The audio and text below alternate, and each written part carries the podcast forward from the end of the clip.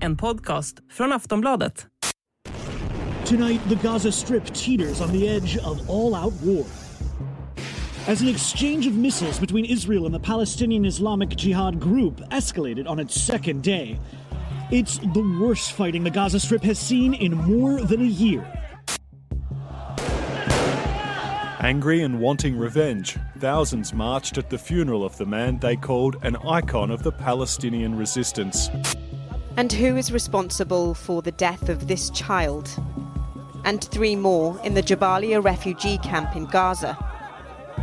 The Israeli government blame Islamic Jihad terrorists, a rocket meant to hit Israel that fell short, they say.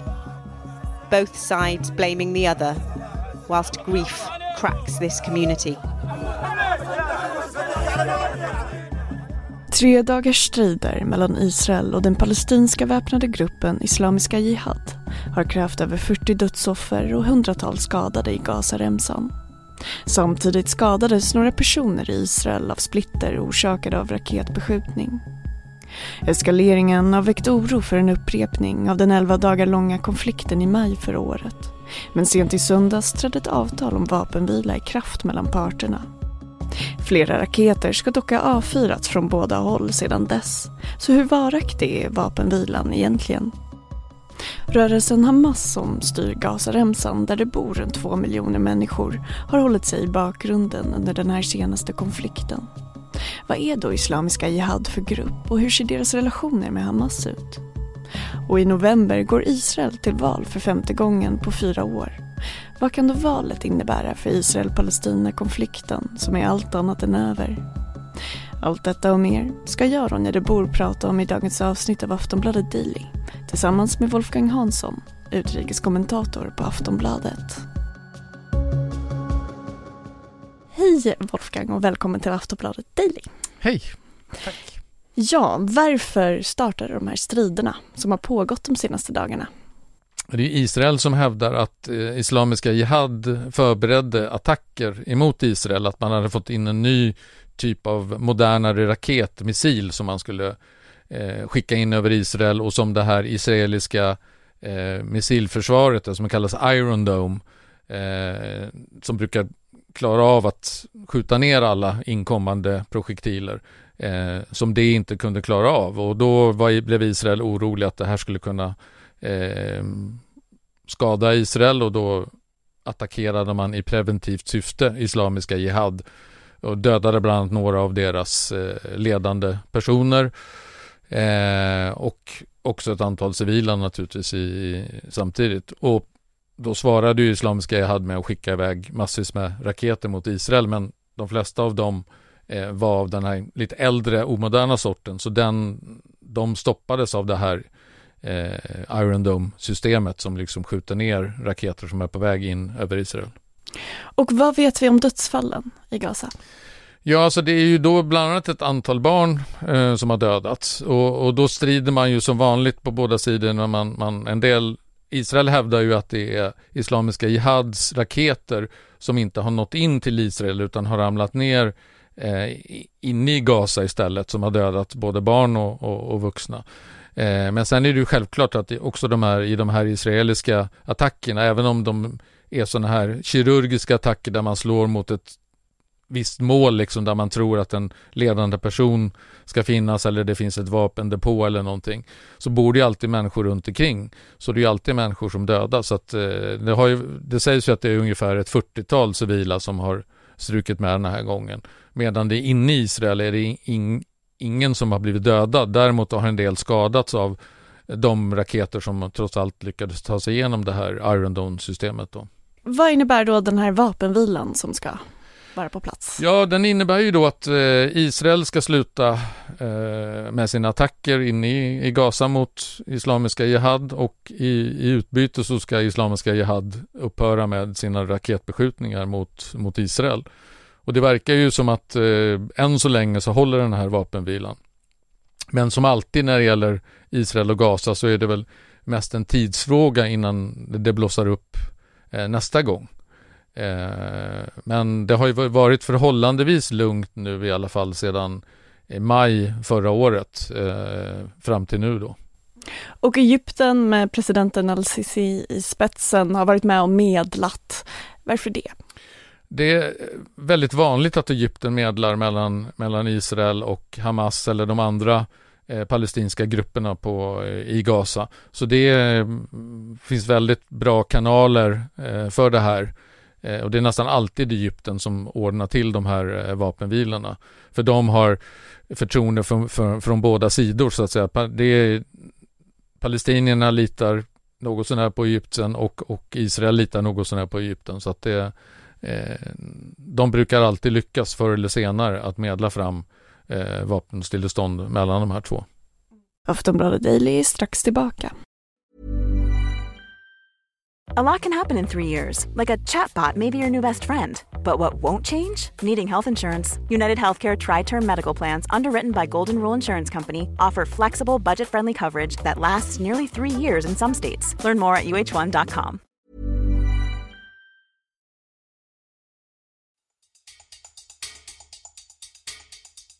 Gruppen Islamiska Jihad står alltså centralt i de senaste dagarnas konflikt. Men vilka är de egentligen? Och varför har Hamas som styr Gazaremsan sedan 2007 och som har utkämpat flera krig och mindre konflikter med Israel under åren valt att inte blanda sig i den här gången? Vi har Wolfgang Hansson igen. Ja, det är ju en, en grupp, palestinsk grupp, väldigt militant, eh, terrorstämplad av EU bland annat. Eh, de är väl på ett sätt ännu mer radikala än, än Hamas i så mått att de Eh, de är mycket mindre och de har inget ansvar så att säga för styret av Gaza och de är ju mer benägna att, att eh, hela tiden attackera Israel. Eh, det brukar vara så att, att, i, eh, att, Hamas håller de andra grupperna i schack så att säga och talar om att nej nu, nu är det inte läge att skjuta raketer mot Israel, låt bli det. Eh, och sen är det då Islamiska Jihad brukar vara olydiga och göra ändå som de vill. Eh, och ibland så, så känner Hamas att de måste stötta Islamiska Jihad och, och haka på. Eh, men den här gången har de inte gjort det utan de har förhållit sig passiva. Vilket ju också har gjort att det här inte har eskalerat på samma sätt som det gjorde för ett år sedan. Då. Vad kan man säga om varför Hamas har agerat så? Ja, alltså de, det är ju de som styr eh, Gaza och de har ju då också ett ansvar gentemot civilbefolkningen och de är ju i någon mån, även om de nu inte har varit några val där på ganska länge, eh, så är de i någon mån beroende av att de har civilbefolkningen på sin sida. Och eh, det har varit så under den här senaste israeliska regeringen så har de lättat lite på restriktionerna för Gazaborna så att man har tillåtit, eh, jag tror att det är 14 000 eh, människor om dagen, alltså palestinierna, att, att åka över till Israel för att arbeta där och därmed få in inkomst och eh, skicka hem och så vidare och ta med hem. Eh, och det har varit andra lättnader också som har gjort att livet har blivit lite lättare. Eh, och då blir det ju också mindre kritik mot Hamas från lokalbefolkningen för att de lider inte fullt lika mycket som de kanske gjorde tidigare. Så därför så tror jag att Hamas var, var väldigt ovilliga den här gången att, att haka på. Plus att de kanske inte har hunnit bygga upp sin styrka igen efter det senaste kriget. Liksom det, eh, varje gång så blir det ju en enorm ansträngning för dem liksom, och det kräver enorma resurser eh, att slåss mot en så stark fiende som Israel. Så att eh, det tar tid sen innan man har byggt upp sina vapenlager och tränat nya soldater och så vidare.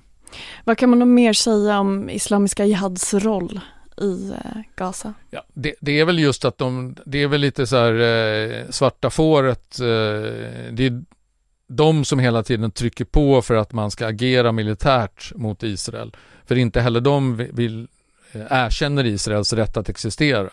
Utan de vill ju, de nöjer sig inte med någon slags fredsavtal där okej, okay, vi, vi styr i Gaza och Israel eh, styr sig, utan de vill ju att eh, den judiska staten ska utplånas, liksom att en, området ska ges tillbaka till, till palestinier. Det ska inte få finnas någon judisk stat. Och attackerna och motattackerna eh, har ändå väckt oro för en upprepning av den 11 dagar långa konflikten i maj förra året. Hur stor är risken för en sådan upprepning? Ja, nu borde den ju vara ganska liten i och med att den här vapenvilan har ingåtts och det verkar som att den respekteras. Eh, och eftersom Hamas inte verkar vara villiga att haka på eh, de här eh, attackerna från den islamiska jihad. Och det gör ju att eh, jag har svårt att se att det här riskerar att e-, eskalera ytterligare, just nu i alla fall.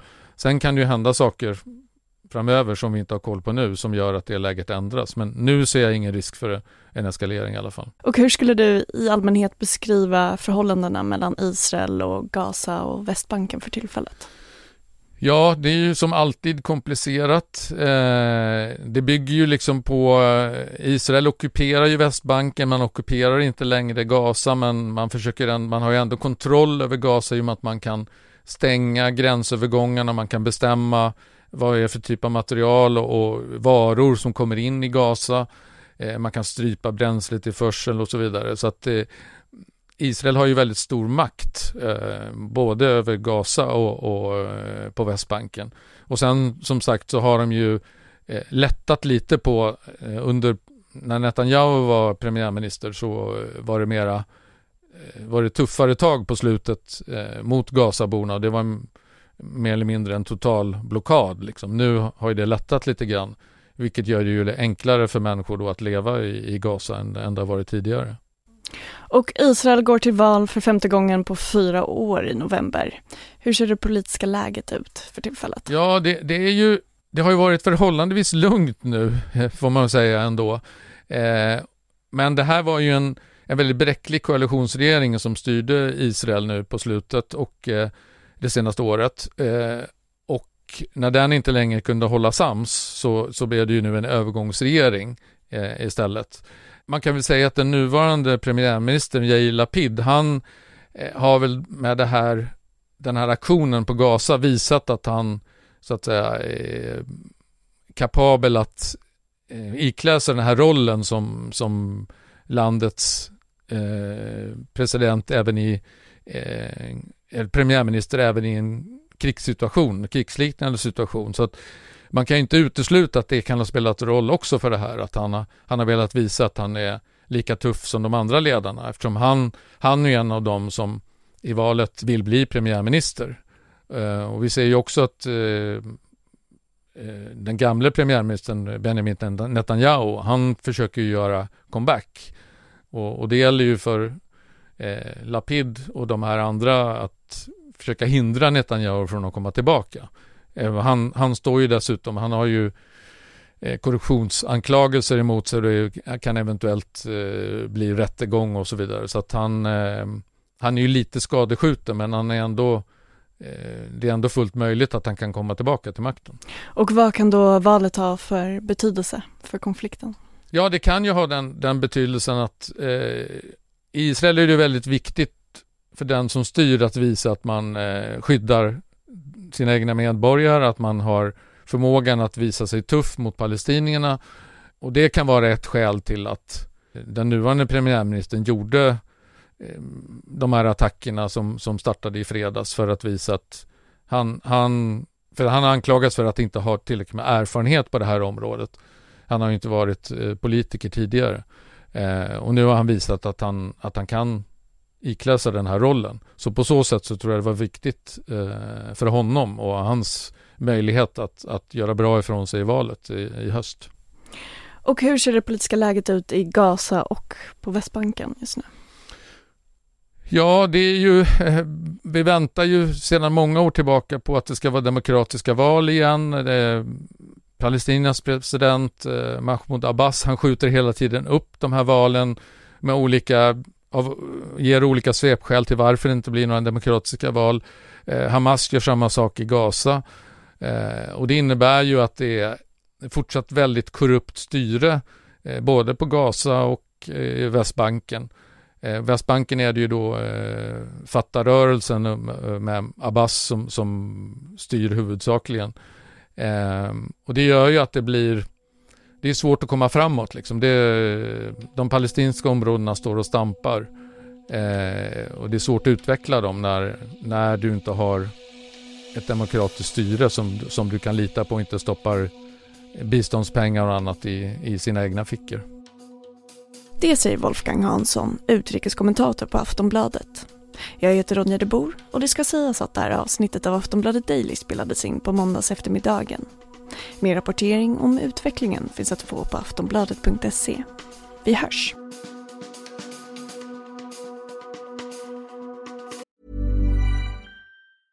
Cool fact a crocodile can't stick out its tongue. Also, you can get health insurance for a month or just under a year in some states. United Healthcare short term insurance plans, underwritten by Golden Rule Insurance Company, offer flexible, budget friendly coverage for you. Learn more at uh1.com.